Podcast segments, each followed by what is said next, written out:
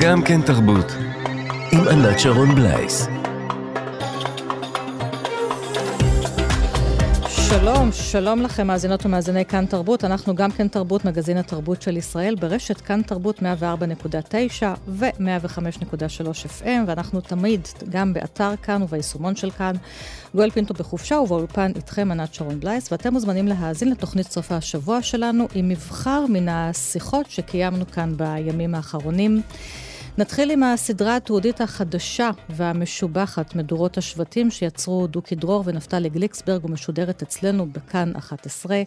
נמשיך עם אחד התצלומים היפהפיים של חתן פרס ישראל לצילום מיכה ברעם, שנתלה על קיר מוזיאון הסובלנות, שפותח את שעריו החודש עם תערוכה ראשונה, נתלה וכבר הוסר מחשש שיפגע במבקרים כי מדובר בתצלום עירום.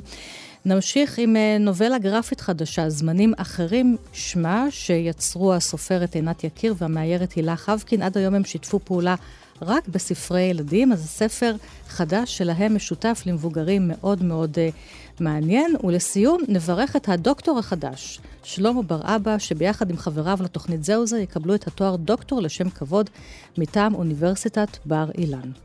בצוות התוכנית בר בלפר ועל הביצוע הטכני יובל יסוד, והנה אנחנו מתחילים. גם כן תרבות. והנה אנחנו מתחילים. ביום העצמאות האחרון נשא נשיא המדינה יצחק הרצוג מספר נאומים בטקסים השונים, ובכל אחד מהם הוא דיבר על המחלוקת והמחאה הקשות שקורות את העם בימים האלה. בין היתר אמר הרצוג גם את הדברים הבאים. גם בימים האלה שעומדים בסימן מחלוקת, עלינו לזכור, הפסיפס הישראלי המגוון, המרהיב, זה שמרבה ויכוחים, קולות, דעות ועמדות, הוא איננו חולשה. הפסיפס הזה הוא הכוח הייחודי שלנו והוא הנס שלנו. אז הנשיא בחר במילה פסיפס כדי לתאר את מדינת ישראל, אנשים אחרים בוחרים במילה אחרת, שבטים. והיא אכן מככבת בשמה של סדרה תעודית חדשה שתשודר החל ממחר בכאן 11. מדורות השבטים, סיפורה של ישראל בדור האחרון מרצח רבין ועד המהפכה המשפטית. סדרה חברתית היסטורית שמתבססת על רעיונות עם אנשים שונים מרחבי הארץ, מכל קבוצה או שבט שרק תוכלו לחשוב עליו, בשילוב חומרי ארכיון, ומבקשת לשרטט את סיפור ההתפרקות של החברה הישראלית לשבטים. התפרקות שמגיעה לשיאה בימים אלה ממש. ביום חמישי הייתה הפגנת תמיכה ברפורמה המשפטית, שבה היו גם מי שדרכו על תמונת נשיאת בית המשפט העליון. במוצאי שבת, אתמול הייתה הפגנת הנגד, זה השבוע ה-17. בין לבין חבר הכנסת אבי מעוז מפרסם מכתב שבו הוא כותב כי הוא מתבייש שיושב ראש הכנסת שלנו, אמיר אוחנה, השתתף בטקסים הממלכתיים בשבוע האחרון לציון הזיכרון ויום העצמאות, והוצג בהם ביחד עם בן זוגו. ועוד ועוד דוגמאות. אז ישראל אינה שבט אחד היושב סביב מדורה ומאזין לסיפורו של מכשף השבט, לא שאי פעם היינו, אבל כעת אנחנו מפוררים יותר. אנחנו שבטים היושבים סביב מדורות שונות, חלקנו גם מבעירים מדורות, וכל אחד מאיתנו רוצה לשמוע רק את הסיפור שלו. כפי שאומר בפתח הפרק הראשון השחקן אורי גבריאל, שמלווה בקולו את הסדרה, הדבק התרופף והתפרקנו לשבטים, לכל שבט האמת שלו, והאמיתות מתנגשות. אז נמצאים איתי שני יוצרי הסדרה, דוקי דרור ונפתלי גליקסברג, שניהם יצרו סדרי, סרטים וסדרות אה, חשובים שעסקו בישראל, ובשנים האחרונות שניהם טיפלו בנושאים שגם מקופלים בסדרה החדשה שלהם. דוקי דרור עשה סדרה על לבנון, השכנה שלנו, ועל מלחמת האזרחים שהייתה בה, וההתפרקות שלה כמדינה, ונפתלי גליקסברג עשה את הסדרה שופטים בשר ודם. שלום נפתלי ושלום דוקי, בוקר טוב. בוקר טוב. בוקר מצוין. נפתלי, לאיזה שבט אתה שייך? למה? למה להתחיל ככה את השבוע בקטלוגים, ולהכניס אנשים למגירות, יום ראשון? איזה חיוך. תראה, אתה, אה. אתה, אתה ואני גדלנו באותה עיר בגבעתיים, אבל אני גדלתי בבית חילוני, אתה גדלת בבית ח, אה. חרדי. כמעט היית רב, ואז עשית פנייה ועברת לעולם החילוני ולמדת קולנוע. אז לאיזה שבט אתה שייך, נפתלי? אפשר לומר את זה גם עם חיוך. אני יכול להגיד לך דבר אחד בטוח, אני לא בת מלך. אוקיי. זה בטוח. אה, אני חושב שאני, ששבטים רבים תמוהים בתוכי, אני לא שייך לאף שבט, אבל קולות של לא מעט שבטים בנו כן. את האישיות שלי, והיא מורכבת משורה של שבטים. ודוקי, בוויקיפדיה שלך כתוב על ההתחלה, בסרטים הראשונים, דוקי ניסה לחקור ולהגדיר את חוויית הזהות של דור שני מזרחי. אביך היה אסיר ציון בעיראק, ואתה גדלת בתל אביב. אז לאיזה שבט אתה שייך, דוקי? אה, שאלה מסובכת מאוד, איך מגיעים לתשובה הזאת? אה, זה באמת... אה, זה, זה, זה שבט שמורכב מהמון שבטים, אני חושב. כן. שבט מזרחי, שבט תל אביבי, שבט, אפילו שבט אמריקאי, כי גרתי תשע שנים בארצות הברית, אז הזהות היא, היא באמת... אה, מורכבת. מתחלקת ומורכבת להרבה מאוד, אבל ההזדהות, וההזדהות שלי אה, יכולה לנבוע בהמון, אה, בהמון, עם המון שבטים. זו גם ככה הייתה התחושה שלי שהתחלתי להתעמק בסדרה שלכם, שבעצם רבים מאיתנו שייכים בו זמנית לכמה שבטים. אז תספרו לי, מה הם השבטים שאתם מטפלים בהם בסדרה שלכם, בת החמש פרקים, שתתחיל מחר? בבקשה, נפתלי. אני מציע נקודת מבט אחרת. כן. אני מציע נקודת מבט לאדם לעצמו, וזה גם קורה בסדרה, כשיש, סליחה, יש אירוע, מה הוא עושה לי. כן. וכשקורה אירוע והוא מאיר אותי, זה אומר שיש בתוכי משהו שמתכתב עם האירוע הזה, וזה סימן שזה נוגע בי. ולכן אני חושב שמה שרואים בסדרה, ואולי זו האמירה הכי חשובה שלה, שכל 46 הדמויות שמרואיינות בסדרה, כל ניסיון לקטלג אותם אך ורק לשבט אחד, נועד לכישלון. כי כל דמות, כשאתה עושה איתה יותר ממסע של פרק אחד, אתה מגלה, אה, ah, היא לא רק A, היא לא רק B. וזה, אני חושב, המשמעות האמיתית גם של הסדרה וגם של החברה הישראלית. יש אינטרסנטים שנוח להם בקטלוג החד-ממדי, אבל אנחנו לא שם. זהו, רציתי לומר שההתפוררות הזאת שלנו, ואנחנו כבר נראה לי מתפוררים לשבטי שבטים, משרת אינטרסים שהם למעלה מאיתנו, שהם אינטרסים פוליטיים, שהם אינטרסים של בעלי הון אפילו, הייתי אומרת, אינטרסים כלכליים. מישהו רוצה שנתפורר, מישהו מרוויח מזה. דוקי? כן, נכון. אה, יש כמובן אה, תביעה כל הזמן להגדיר את עצמך, להיות פסקני לגבי הדעות של עצמך, של, שלך כמבטאות אה, שבט מסוים או קבוצה מסוימת או אינטרס מסוים. ו...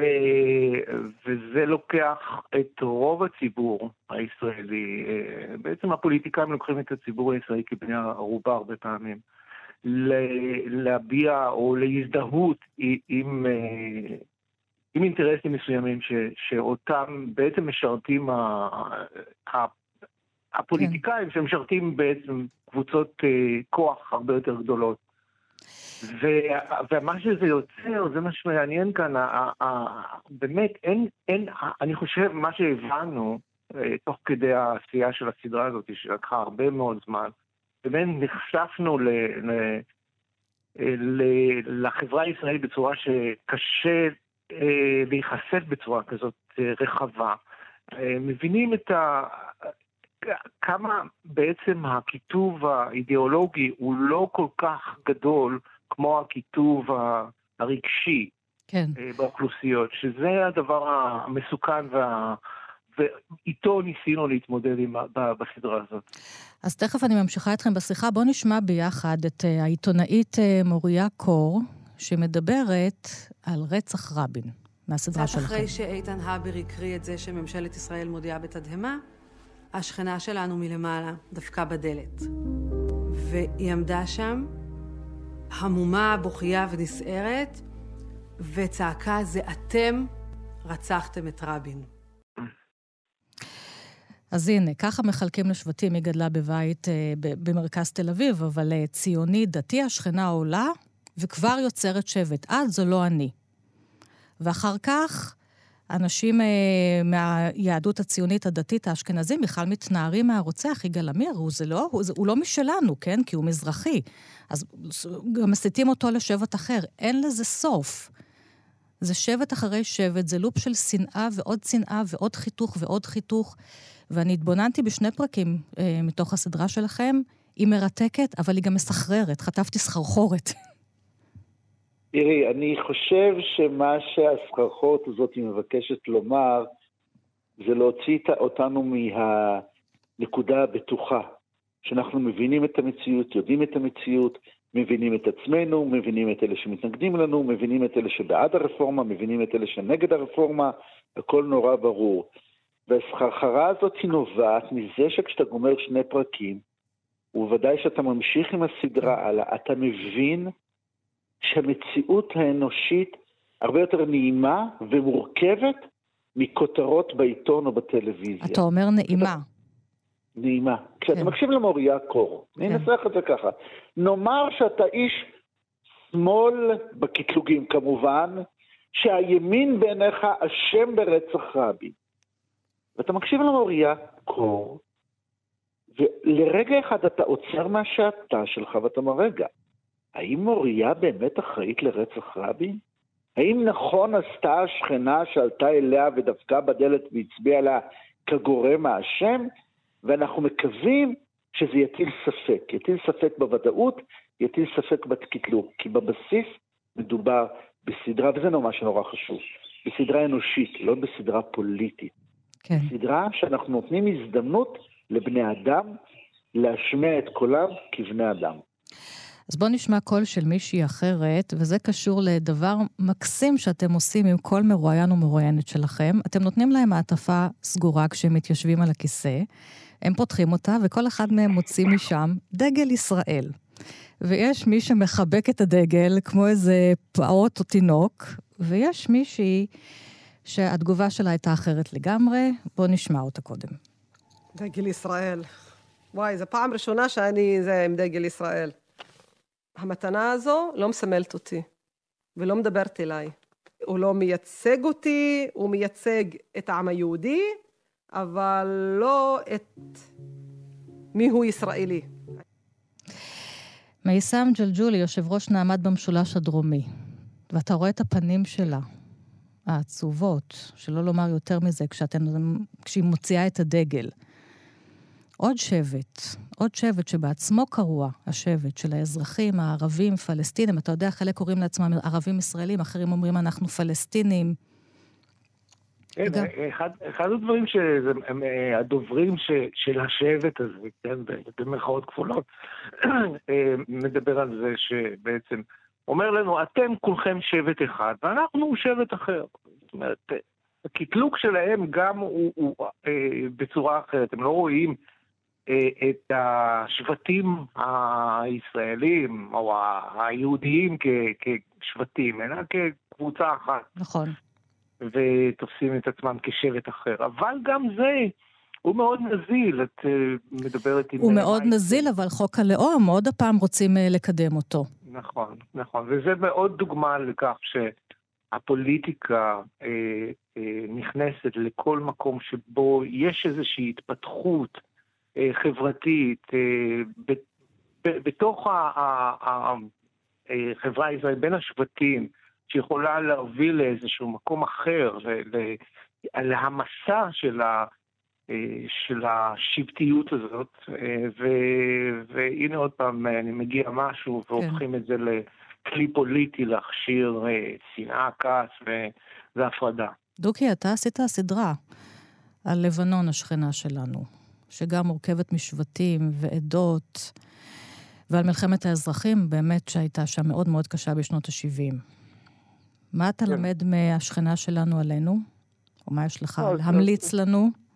אני חושב שקודם כל כשעשיתי את לבנון, את הסדרה לבנון, כל הזמן חשבתי על מה, אה, מה שקורה פה.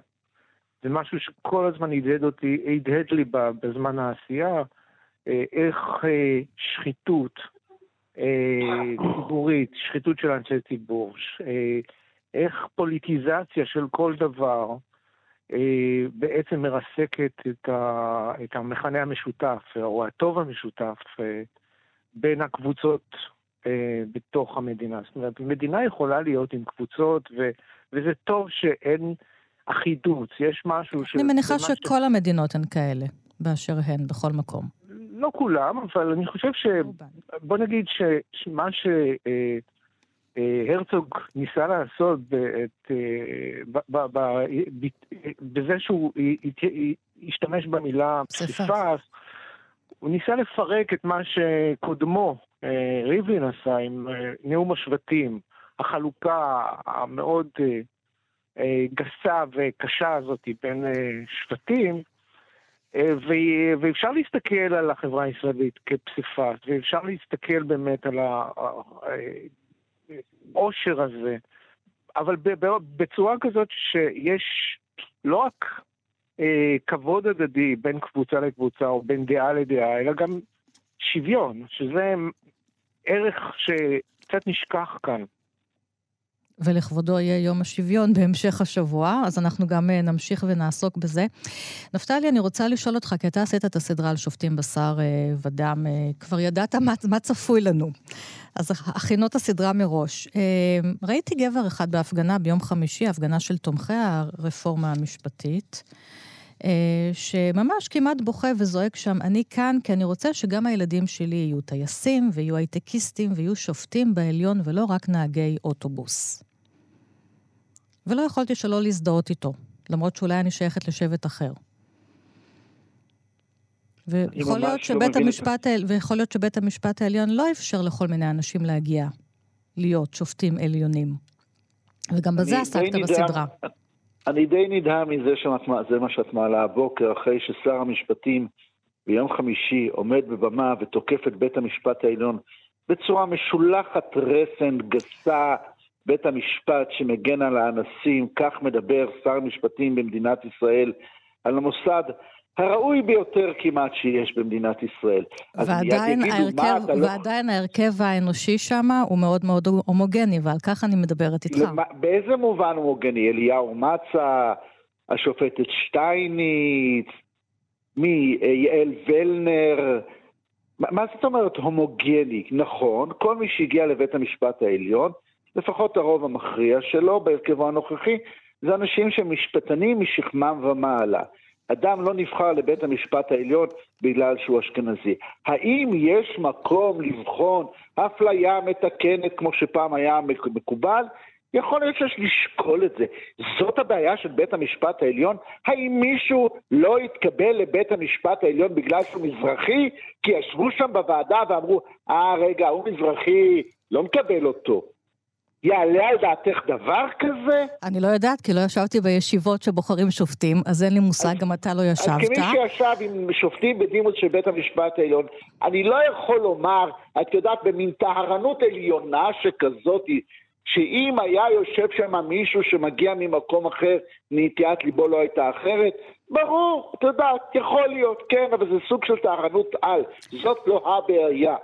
נפתלי, יש לנו הרבה... הבעיה הגדולה היא שהמערכת הפוליטית נפתלי, בשנים האחרונות... המערכת הפוליטית, המערכת הפוליטית מפוררת אותנו ומנצלת אותנו לאינטרסים יפה. שלה, ועדיין, עדיין, עדיין, הרבה אנשים, גם בשמאל וגם אלה שיוצאים נגד הרפורמה או מהפכה, עדיין אומרים שאיזה שהם שינויים צריכים לעשות במערכת המשפטית, ואולי ככה להרחיב את ולמתוח את הגבולות של האנשים אה, שמגיעים לשם, וזה לא סותר את זה שאסור, אסור לצאת נגד שופטי העליון, אסור לומר עליהם דברי שנאה, זה לא סותר את העניינים האלה, ובטח שאסור לדרוך על התמונה של שופטת, אה, של נשיאת בית המשפט אה, העליון, אסתר חיות. זה לא סותר המחשבות הביקורתיות הללו. אני רוצה לקחת אתכם רגע למסלול האישי. כשעבדתם על הסדרה הזאת, מה, אה, נפתלי, מה הכי ריגש אותך? איזשהו אירוע שחזרתם אליו, או אחד מהמרואיינים שלכם? ריגש או הכעיס אותך, כמו שאני מכעיסה אותך? אה, לא, את אישית לא מכניסה אותי, חלילה וחס, מה פתאום. מה שמכעיס אותי זה כשיש, הדרך הכי קלה לטשטש את הראייה, זה לקחת משהו שיש בו אמת מסוימת, ולהגדיל את הפרופורציות שלו, תגיד, רגע, אבל גם הוא לא בסדר, אוקיי, בסדר, הבנו, תודה. נחזור לעניין שלנו.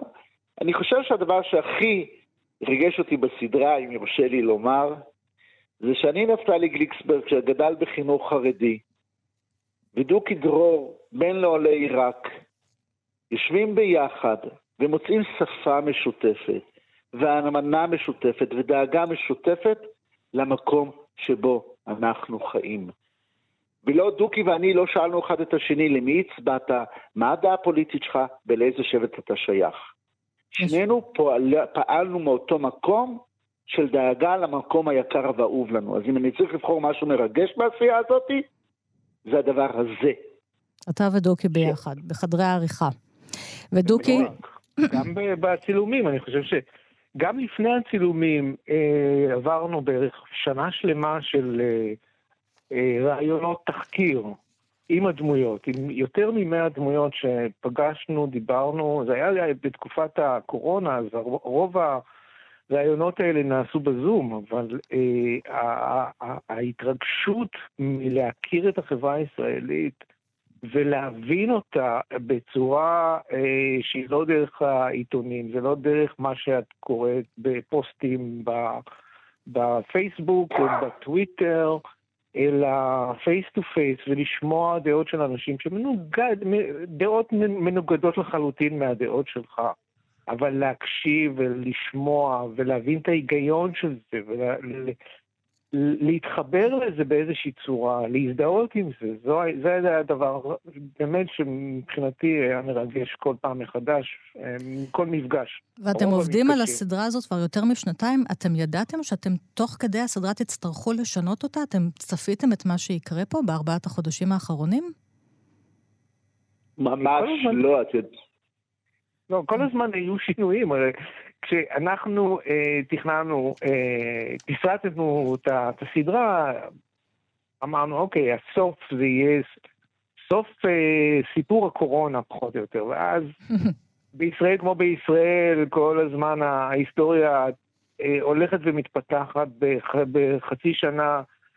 אה, מתפתח כאן, מתפתחים אירועים שיכולים למלא לך עוד אה, סדרה שלמה, ו...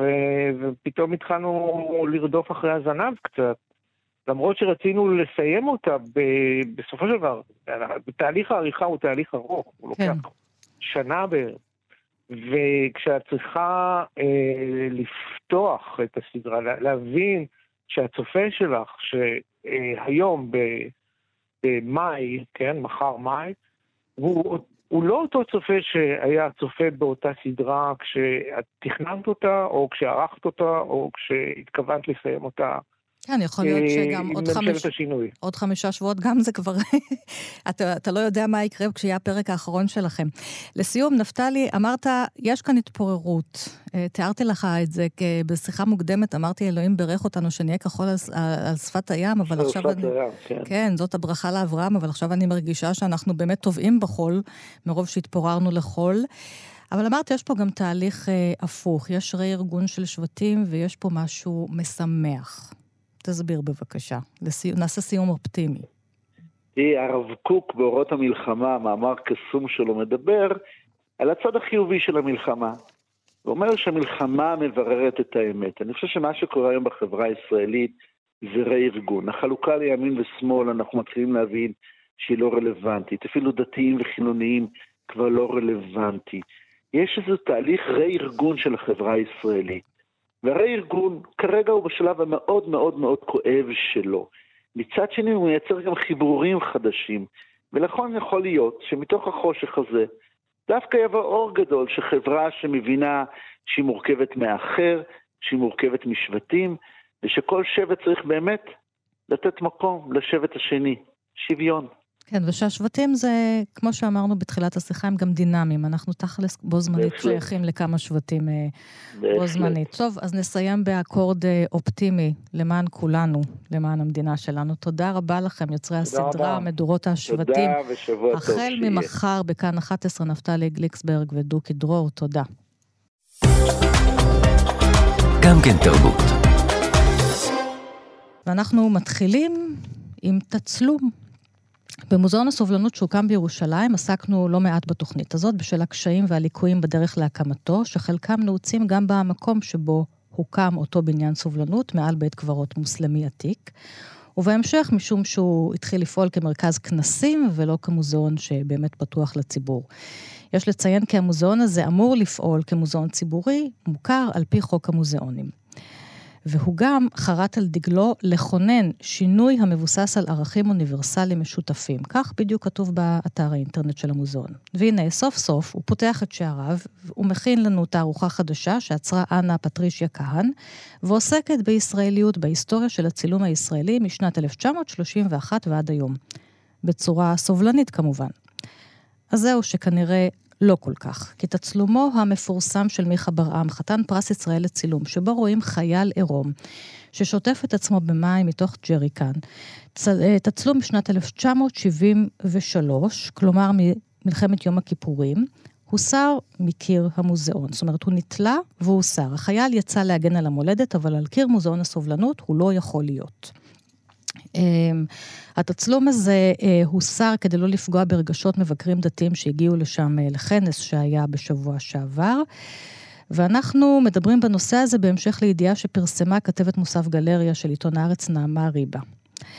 אני מבקשת להזכיר לכם כי הצילום הזה בדיוק הופיע לא מעט בשנה האחרונה, גם בסרט התיעודי זוכה הפרסים 1341 פריימים מהמצלמה של מיכה ברעם שיצר רן טל, וגם בתערוכה שליוותה את הסרט במוזיאון תל אביב, שאותה עצר דוקטור נועם גל, מרצה בכיר בחוג לתולדות האומנות באוניברסיטה העברית, והוא איתנו. שלום נועם. שלום ענת, ובוקר טוב. איזה צילום יפהפה זה. אחד היפים ממש. של מיכה ברעם. אני מסכים. מהגזרה הצפונית, נכון? לפי העצים והירק שיש שם, זה לא מהגזרה הדרומית. נכון, וזה ממהלך, ה... ממהלך המלחמה. אה, למי שככה לא רואה את התצלום עכשיו מולו, אה, אני רק אתאר אותו. אה, חייל עירום שוטף את עצמו עם ג'ריקן, כמו שאמרת, מתחת לחורשה של אקליפטוסים, אה, ליד אה, ג'יפ, והכל מואר באור שמש כזה של בוקר מאוחר. אה, תצלום מאוד מאוד יפה ורגוע, מתוך, אה, מתוך יומיום אה, של החזית, ולאו דווקא, כן, עם כל היריות והטנקים והכיבושים וה... והרעש הגדול של המלחמה, אלא דווקא רגע מאוד אנושי שיש אולי לכל אחד. כן. יכול להיות שזו אולי המקלחת הראשונה שלו אחרי ימים רבים של מלחמה של אותו חייל. וגם התצלום הזה גם הוצג בתערוכה שלך בשנה שעברה שעצרת, וגם בתערוכה mm. שנעשתה לפני עשור. שבה הוצגו תצלומים של מיכה ברם במלאת 40 שנה למלחמת יום הכיפורים. זאת אומרת, היא כבר mm. נתלתה על קירות המוזיאונים. נכון.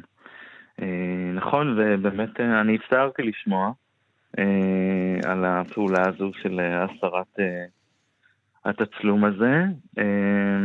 אני חייב להגיד שמצד אחד מצער, מצד שני אולי, שוב, לא מאוד מפתיע. אה, אני חושב שזה מצטרף לשורה ארוכה של, של סימנים כאלה בתקופה האחרונה, של אה, קודם כל לסלק את מה ש... לסלק מהעין את מה שעשוי להביך, או עשוי כן. לבלבל. מה שלא לבוש. מה שלא לבוש, מה שאנושי מדי, פגיע. כן, זה חייל ש... אה, כל כולו עבורנו אמור להיות לכאורה סמל של הגנת המדינה, והנה לפנינו פשוט גבר ברגע פגיע, כן, ברגע אה, שהוא דווקא בלי המדים ובלי כל המעטפת הזאת של הייצוג, ואת הדברים האלה נוהגים באחרונה יותר ויותר לסלק מהמרחב הציבורי. יש לומר שאנחנו לא רואים את הפנים, כי הוא באמת אה, כפוף, כי הוא ככה שופך את המים מהג'ריקן על ראשו ועל גופו. אנחנו כן רואים את איבר מינו, שזה דברים שבאמת אה, אנחנו לא רגילים לראות בכלל בתולדות האומנות אה, גברים עירומים. אז אתה רוצה להרחיב את היריעה של החשיבות של התצלום הזה. כן, אז קודם כל, גם את הדברים האלה רגע נשים בהקשר יותר רחב. יש המון עירום בתולדות האומנות, אה, וברובו הוא עירום נשי. אנחנו פחות רגילים לראות עירום גברי, אה, בייצוגים שונים, כן? אה, מכל מיני תקופות, ובכל זאת זה קיים, כן? לצורך העניין, אם נרד במוזיאון ישראל תצוגות הקבע של אומנות אירופה, ונראה יצירת ענק יפהפייה של רובנס, כן, עירום גברי לפנינו, אה, ואני חושב שאף אחד לא, או עדיין, אני רוצה כן. לקוות, אף אחד לא חושב לכסות אותה בווילון או אה, לסלק אותה מתצוגה. אה, זה נכון שעם צילום יש לכאורה משהו ישיר יותר, כן? או מהחיים יותר, אבל אני חייב להגיד ששוב, לא רק שזה חלק מהחיים, אלא זה גם חלק ממה שצלמים וצלמות מסתכלים עליו, לא רק בארץ, בהרבה מאוד מקומות ובהרבה מאוד הקשרים. אה, זה חלק מהאומנות הזו, היחסית חדשה של ה-180 שנה האחרונות, שנקראת צילום. רואים שם גם אברי מין, אה, וזה לא גורם למוזיאונים אה, בעולם להסתיר את זה ולא להוציא את זה מהאוספים, וגם אם זה גורם מבוכה או אי נוחות או אי נעימות, זה, זה, זה רגשות ש, שהם בסדר, שאפשר להכיל אותם, שמוזיאון מסוגל להכיל אותם, שאפשר להחליט שהקהל יכול להמשיך אה, הלאה אם לא נעים לו לראות. כן, יש גם שלטים, ש, שלטים ש, שהושמו בעבר וכאלה שיותר ויותר uh, נתלים היום, שיש עירום בתערוכה, ואז אדם יכול להחליט שהוא לא נכנס אליה, כי לא רחוק משם, למשל במוזיאון ישראל, שבו עבדת שנים רבות כאוצר הצילום, uh, יש תערוכה של סיגלית לנדאו, ובה יש לא מעט עירום, עירום שלה בים המלח. נכון. אומנית מובילה עם תערוכה רטרוספקטיבה מקיפה וחשובה ביותר. כן. כן, זה מאוד חשוב ההקשר הזה. אמ, גם שם רואים את אה, איבר מינה.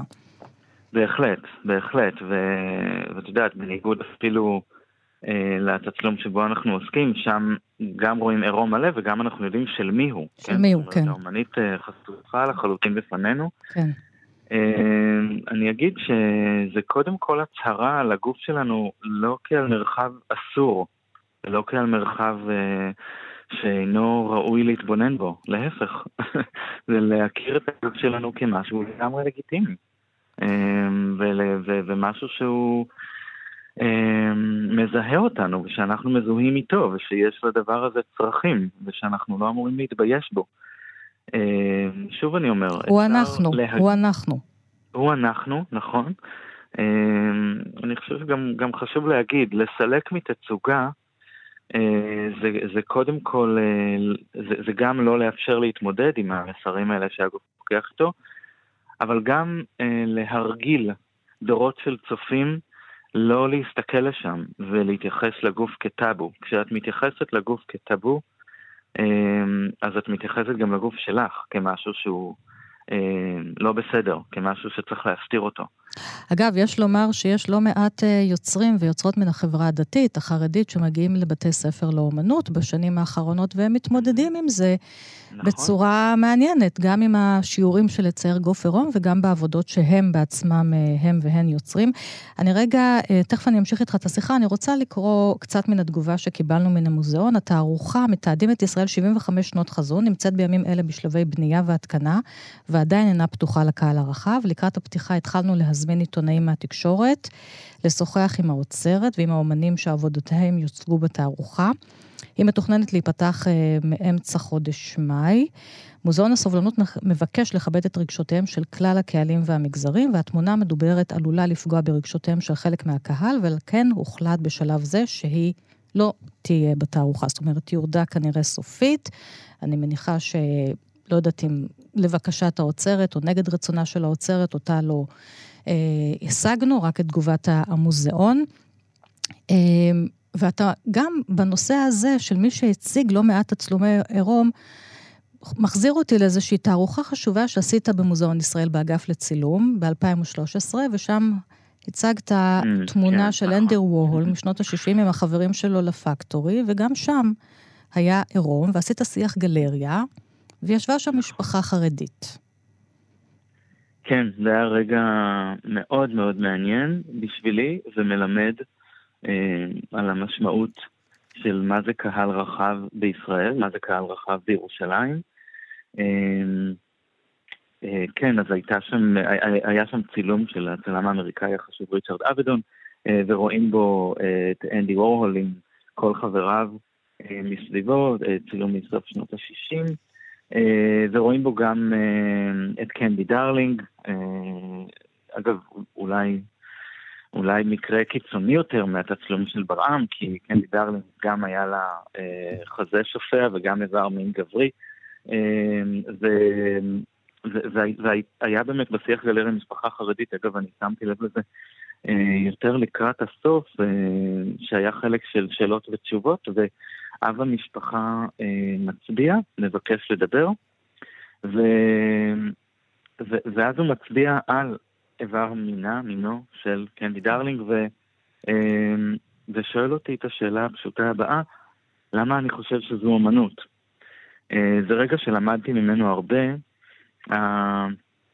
קודם כל הוא ישב איתך בשיח גלריה, כשיש תצלום של אה, טרנסג'נדרית עירומה. כן, אמ, ואת יודעת, אמ, הוא לא אמר זה פוגע בי, הוא לא אמר אה, צריך להוריד את זה מכאן, אה, הוא לא אמר אתם לא מתחשבים ברגשות של קהילה עצומה בירושלים, הוא שאל אותי שאלה לחלוטין רלוונטית לתוך השיח על תולדות הצילום ועל היחס בין צילום לבין אמנות, והתפתחה שיחה מאוד מאוד מעניינת על מה המצלמה רואה כאן בתצלום הזה ומה היא מבקשת לחשוף החוצה, שבדרך כלל נמצא מחוץ לטווח הראייה שלנו.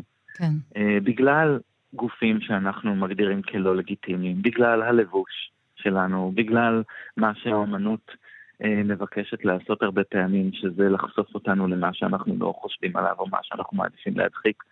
הייתה שיחה מאוד מעניינת, אה, עם שאלות מצידו ושאלות מצד אנשים אחרים. אני רוצה להגיד שזו חוויה שלימדה אותי שסיטואציות כאלה שבהן המוזיאון אמיץ יותר מהמרחב הרגיל של כל אחד מאיתנו, אה, ו- ולוקח אותנו קצת קדימה, קצת מעבר למה שאנחנו רגילים לראות, סיטואציות של שיחה, זה לא סיטואציות של עיוורון ושל יצירת חסמים. אמ, לצנזר דברים כאלה, ובדיוק להמשיך אה, לחסום את שדה הראייה אה, ולהרגיל אותנו פשוט להיות עיוורים אה, לאיך שאנחנו נראים ואיך שאחרים נראים. גם חיילים אחת... בחזית צריכים לפעמים להתקלח, וזה אומר שהם מורידים את הבגדים, זה נראה לי בסדר. כן, ואולי יותר מבסדר להראות את הרגע הזה, הרגע היפה הזה, הרגע של השקט, ולא רק את הרגעים של הקרבות ושל המוות ושל הגופות המרוטשות, גם את הרגע הזה, והחייל הזה יצא להגן על המולדת, והנה הוא לא יכול אה, למצוא לו מקום במוזיאון הסובלנות, וזה על אחת כמה וכמה תצלום של חתן פרס ישראל מיכה ברעם. אולי אה, תחשבו פעם נוספת, אנשי מוזיאון הסובלנות. אני מאוד מאוד מודה לך, דוקטור נועם גל, על השיחה. תודה לך, ענת. להתראות, ביי ביי. ביי ביי, להתראות. גם כן תרבות. יש גלות מכורח ויש גלות מרצון. אנחנו גולות מרצון, כלומר, רצון שלה. היא גלתה ואני אחריה. היינו בספינה בדרך לארץ הקודש, ופתאום היא לא רצתה. קפצה מהספינה למים ואני אחריה, ומאז אנחנו ככה, כלום. ננקה ואנקה, חווה וחנה הן שתי אחיות תאומות שחיות על אי בלב ים, לבדן. חווה עוד מעט בת מאה וחנה בת עשרים, וכך זה מאז שהגיעו לאי לפני שבעים וחמש שנים. חווה מזדקנת לנצח וחנה קפאה בזמן. ובאמצע יש את נחומי, שמגיע מדי יום ומביא להן אה, דברי מאכל, וגם ספרות, וספרי שירה, וגם ז'ורנלים, אבל יום אחד הוא לא בא עוד. זמנים אחרים זאת נובלה גרפית חדשה למבוגרים שכתבה עינת יקיר, הסופרת עינת יקיר, אה, ועירה הצעירה הילה חבקין. הספר רואה אור במסגרת פרויקט נובלות גרפיות של מפעל הפיס בהוצאת, אה, בהוצאת אפיק. עד היום השתיים, הילה ועינת שיתפו פעולה בספרי ילדים, ועכשיו הן משתפות פעולה פעם ראשונה בספר למבוגרים. שלום עינת, שלום הילה. שלום, בוקר טוב. מי הן אה, חווה וחנה, או ננקה ואנקה? תספרו לי על גיבורות הספר, תספרי לי, עינת. חווה וחנה הן אה, אחיות תאומות, אה, ניצולות שואה, שעוברות אותה בשנים הצעירות שלהן, ואחר כך עולות על ספינה להגר לארץ ישראל, אלא שבדרך על הספינה, וכאן הריאליזם הופך אולי לפנטסטי ואולי לא. אה, חנה מחליטה שארץ ישראל זה חתיכת חור, והיא לא רוצה להיכנס. אז היא קופצת למים ושוחה לאי, וחווה שקשורה אליה בעבותות, כמו שהיא אומרת, זה הכלב שלי ל... כן. אה, סליחה, מתנצלת. כן. אה, אז היא קופצת אחריה. והן עוברות לחיות באי, משום שחנה לא מוכנה בשום אופן אה, להגיע לישראל, ושם באמת צועד אותן אה, נחומי, הדייג שמצא אותן, עד היום שבו הוא פתאום מת. ולא בא. ולא מגיע, כן. אבל באי הזה באיזשהו אופן העונש הוא החיים לנצח, או הכפייה בזמן. המוות הוא, הוא פתאום הופך להיות איזה פתרון לא, לא נגיש לשתיהן, כל אחד באופן אחר. את אוהבת אה, לא מעט לכתוב על תאומים, גם ברומן הקודם שלך, האחרון, צלם. יש שם שני זוג אחים תאומים, ואני קראתי בספר הזה, וחשבתי בשלב מסוים שאולי לא מדובר בכלל בשתי נשים, אלא אולי באישה אחת בערוב ימיה, שהזיכרון שלה מתעתע בה, גם בשל הטראומה של השואה, גם בשל הזקנה. אולי שתיהן זאת אותה אחת. זאת אפשרות? אני מאוד אוהבת את האפשרות הזאת, זו פרשנות לגמרי אה, אפשרית. אני חושבת ש... אה, אני, אני, אני גם מסכימה מאוד שאת יודעת, לאורך הכתיבה שלי, באופן שאני אפילו לא יכולה להסביר אותו לעצמי, משהו ביסוד הזה של התאומות אה, מלווה אותי לאורך הכתיבה בהרבה היבטים. אפילו בספר ילדים שעשיתי מילה כמוני כמוך על שני סוסים, אחד פוני, אחד סוס כנף, אפילו בילדים זה, זה נמצא. אני, היסוד, היסוד אולי האחד, שהוא תמיד מתפצל, ואולי הוא כמה להיות אחד, אבל הוא, הוא לא יצליח. הפיצול הזה, אפשר לראות בו פיצול בין בני אדם. כן. אה, כמו, שאני, כמו שאנחנו אומרים הרבה פעמים, אה, יש כל הזמן משחק תפקידים בין שניים, ואפשר לראות בזה ישות אחת, שהיא מפוצלת. אז איפה שאת לא תמקמי את עצמך זה בסדר מבחינתי. בהקשר הזה. הילה, אני עוברת אלייך, את מאוד uh, מוכרת uh, כמאיירת ספרי ילדים, בדרך כלל מאוד צבעוניים, בעיקר עבדת עם נורית זרחי, וכאמור גם עם הספרים של uh, עינת יקיר, ספרי הילדים. הפעם אנחנו מדברים על uh, ציורים שלך שנעשו בדיו, בצבעי מים, הכל שחור לבן. האווירה קצת אפלה יותר, קצת הרבה. נכון. נכון. אה, אני אוהבת לעבוד בשחור לבן, וחבל שאין יותר ספרי ילדים ש... שרוצים ציורים בשחור לבן.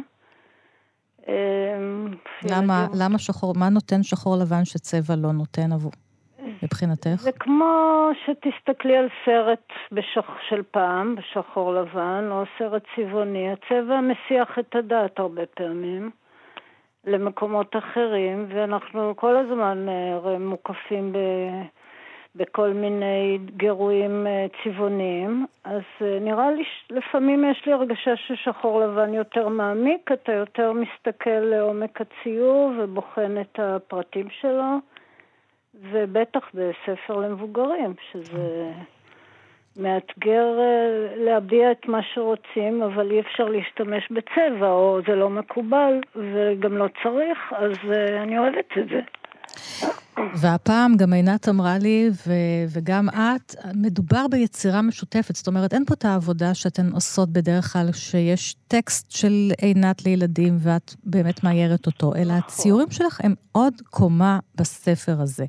ואם אה, יש כאן איזשהו סיפור שעוסק בתקיפה מינית אה, שקרתה או לא קרתה, שוב, כי הכל פה מאוד מתעתע, אז את רואים כאן אה, אישה צעירה ברחוב עומדת, ומסביבה... הגברים, אבל הגברים הם, הם, הם כולם עם ראשים של, של זאבים, של חיות רעות, כן. כן, זה נכון.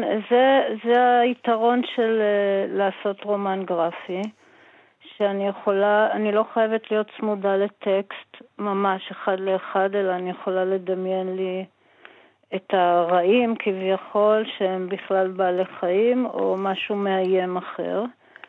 אמ, ואני לא צריכה להביע את הטקסט בציור, אלא אני יכולה לתת עוד מימד אחד לטקסט. ככה אני לפחות רוצה שיראו את זה. כן, כי זה מותח את הסיפור שעינת כתבה לעוד uh, מקום. עינת, בוא נשמע קצת uh, את uh, חווה וחנה מתוך הספר, את השפה המיוחדת שלהן. בבקשה. אני אקרא את הרגע שבו יש עוד פעם איזה מהלך מניפולטיבי כמעט קבוע, הריטואל הוא חלק מהספר הזה, הריטואל היומיומי. אה, ואז יש רגע שבו אה, חווה מדברת אל חנה ומזכירה לה את העבר, כי לא ברור בכלל אם חנה זוכרת או לא זוכרת או ממציאה. הכל כבר נטרף בחוויה. אז היא אומרת לה ככה: כבר ראינו את הארץ, כבר עמדנו על הסיפון באוניית בהמות וראינו את הארץ, ופתאום אמרת, לא, אני לא רוצה, אני לא רוצה חווה, אני לא רוצה. תפסת לי את המעיל בציפורניים. זה לא טוב שם, חווה, לא טוב, לא טוב, אני מבקשת ממך, אני מתחננת, בואי נקפוץ. לקפוץ לאן? הצבעת לים ואמרת לכאן. זה ים, אמרתי לך, השתגעת? לא, לא, נסחה לאי. על איזה אי את מדברת? פתאום ראית אי. משכת אותי במעיל. השתגעת, חנה. הנה, ארץ, הנה, קווי מתאר, כותרות ערים, עשן מערובה, הרי חיכינו, כל כך חיכינו לעלות. לא, לא, זה לא נראה לי טוב, משכת אותי. זה לא נראה לי טוב, הלוך הזה, הלוך, הגרויל, הלוך. אטמתי את העיניים, הפנים עשיתי מלט, כפור. מה זאת אומרת לוך? השתגעת? מה פתאום? ואת היללת כמו סירנה. אני מבקשת ממך, אנקה, אני מבקשת, המקום הזה. לא הקשבת, הפה שלך סער, ורגע אחרי היית בתוך המים. הן קופצות ולא עולות לארץ ישראל, ויש פה כן. יותר ממשל, שאולי ממש מתלבש על מה שקורה בימים האלה פה במדינה, בלי שתכננת. תשמעי, קודם כל, אני לא מגדירה את זה כספר שעוסק בשואה. כן. אני מגדירה את זה כספר, זה חשוב. אני, אני מגדירה את זה כספר, לא, זאת אומרת, התמה הזאת היא בוודאי קשורה, אבל מבחינתי, איכשהו יצא אה, שבאמת אה, אני מרגישה שיש משהו בספר הזה שמדבר עם הזמנים האלה בצורה קשה מאוד. אמ, ו- ונולד לתוכם. אה, אני אתמול הייתי בהפגנה, ומבחינתי זה היה המשך של הפעולה הזאת, של, ה- של הספר הזה. זאת אומרת, להתבונן פתאום על המרחב מתוך מצוקה, לחזור אל המקום של הראשית בעבור חלק מהאנשים. כן, לא כולם, זה לא משנה, אבל הוויית הפליטות היא כן משותפת וזה לא משנה מאיפה מגיעים. כולם היו פליטים. כן? והנקודה הזאת של הפליט אל מול הארץ, אל, אל רגע הראשית, זה מבחינתי הנקודה שעניינה אותי. והקפיצה שמתרחשת אל תוך המים היא קצת החוויה אה, שאני מרגישה בזמן האחרון אל מול המציאות. אז אה, כן, לחלוטין, אבל זה לא נכתב אה, בשנה האחרונה. כן, כן, לכן אני אומרת, אבל זאת... זה נכתב כבר אה, מתוך ז... התבוננות, כן, ארוכת שנים. על התהליכים שקורים פה, שכולם רואים אותם, כן.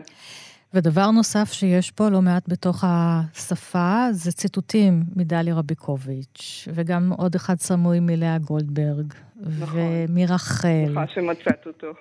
יש אה, שירה בתוך הספר הזה, הרבה ספרי שירה, גם נחומי מביא להם ספרים, זאת אומרת... נכון, נכון. תראי, אני, אני מאוד נהנית לטרוף, במובן הזה אני, אני, אני באמת מרגישה שיש לי, את יודעת, אה, נקודות השקה ועניין, למשל עם אה, נורית זרחי שהזכרת אותה, ועוד מכיוונים אחרים. הערבוב של הפנטזיה אל תוך המציאות, הרי מדובר בשתי מהגרות שסביר להניח שלא יודעות עברית בכלל, כן. כן? אבל פתאום נמצאות באי ומקבלות ספרים מנחומי, ובתוך מערכת הספרים, שחלקם הם כאילו...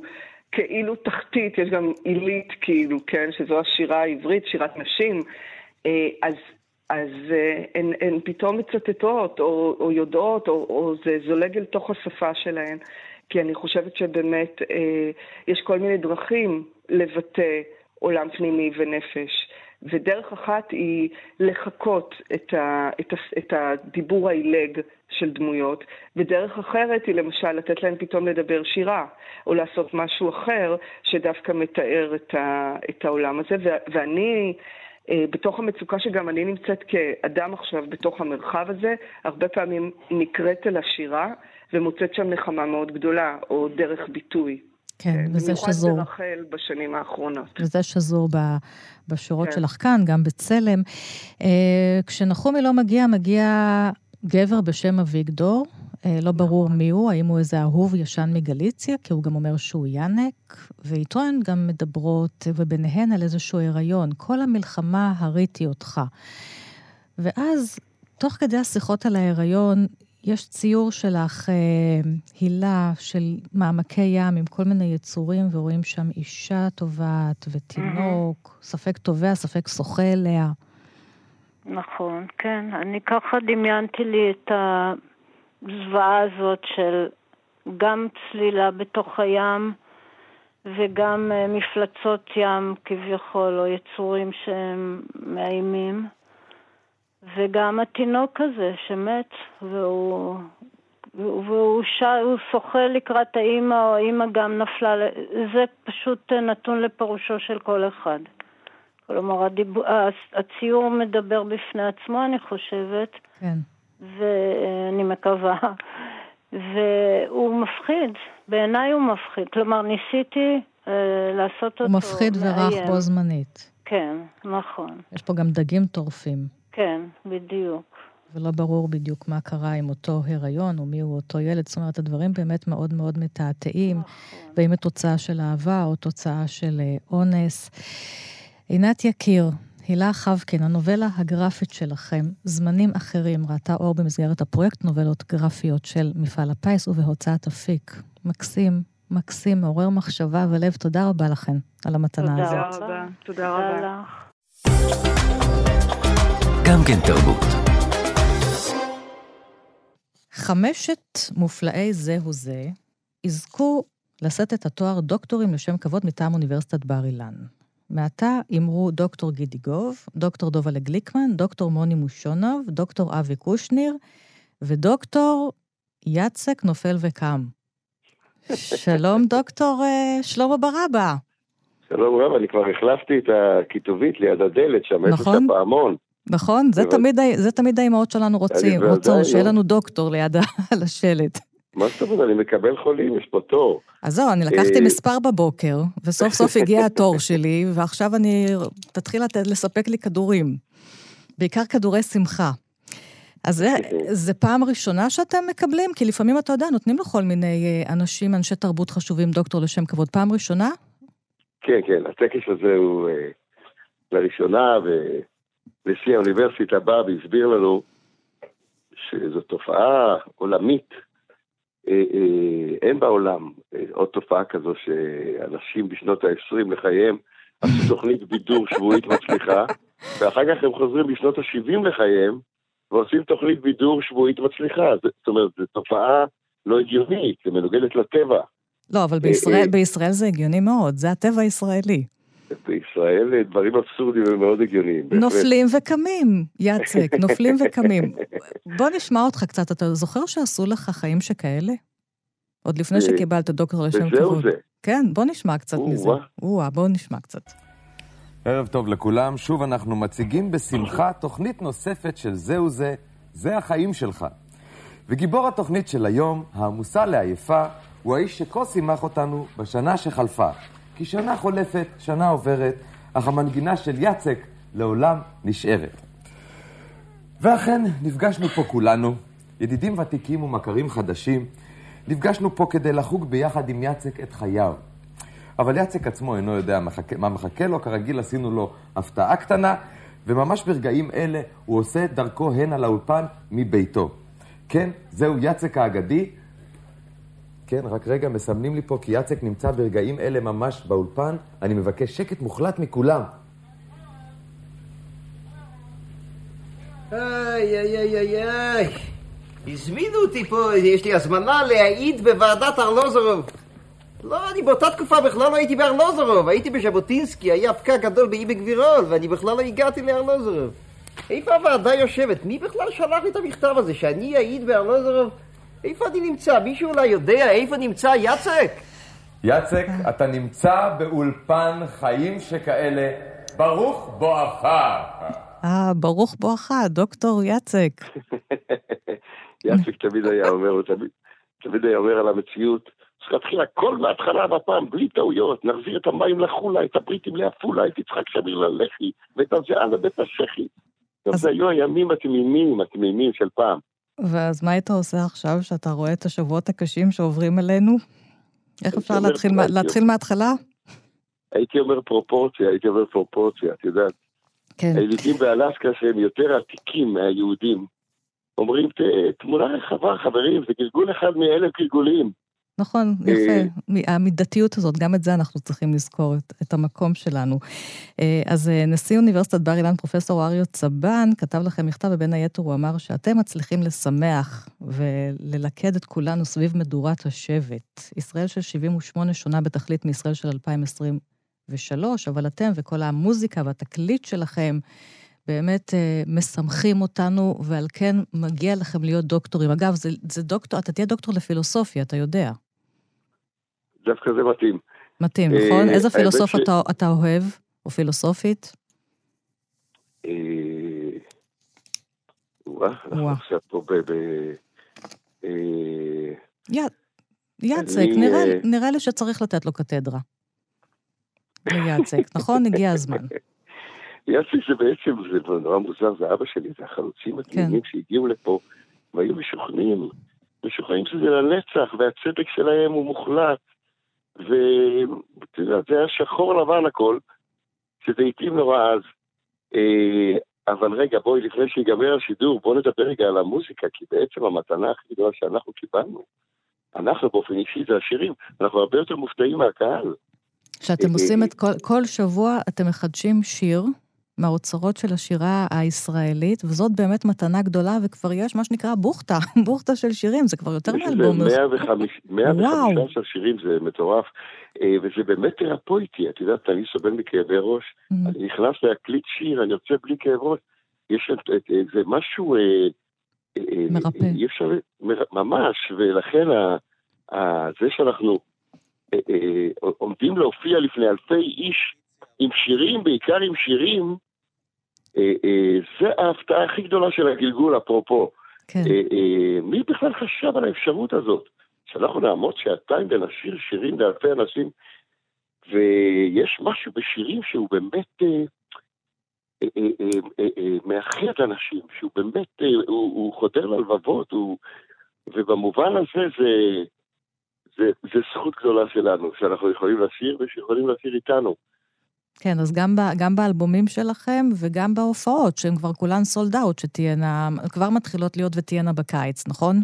נכון, אכן. אז אה, זו, זו באמת uh, שמחה גדולה מאוד. Uh, דוקטור שלמה בר-אבא, דוקטור יצק, תודה רבה לך והמון בהצלחה, ושתמשיכו לשמח את, את, אתכם ולרפא אותנו. תודה לך. תודה, תודה. גם כן תרבות. עם ענת שרון בלייס. מאזינות ומאזיני כאן תרבות, עד כאן תוכנית סוף השבוע של גם כן תרבות. תודה לצוות התוכנית, העורך יאיר ברף, על ההפקה מיכל שטורחן, הביצוע הטכני יובל יסוד. תודה לכם. אני ענת שרון בלייס, ונשתמע בשבוע הבא.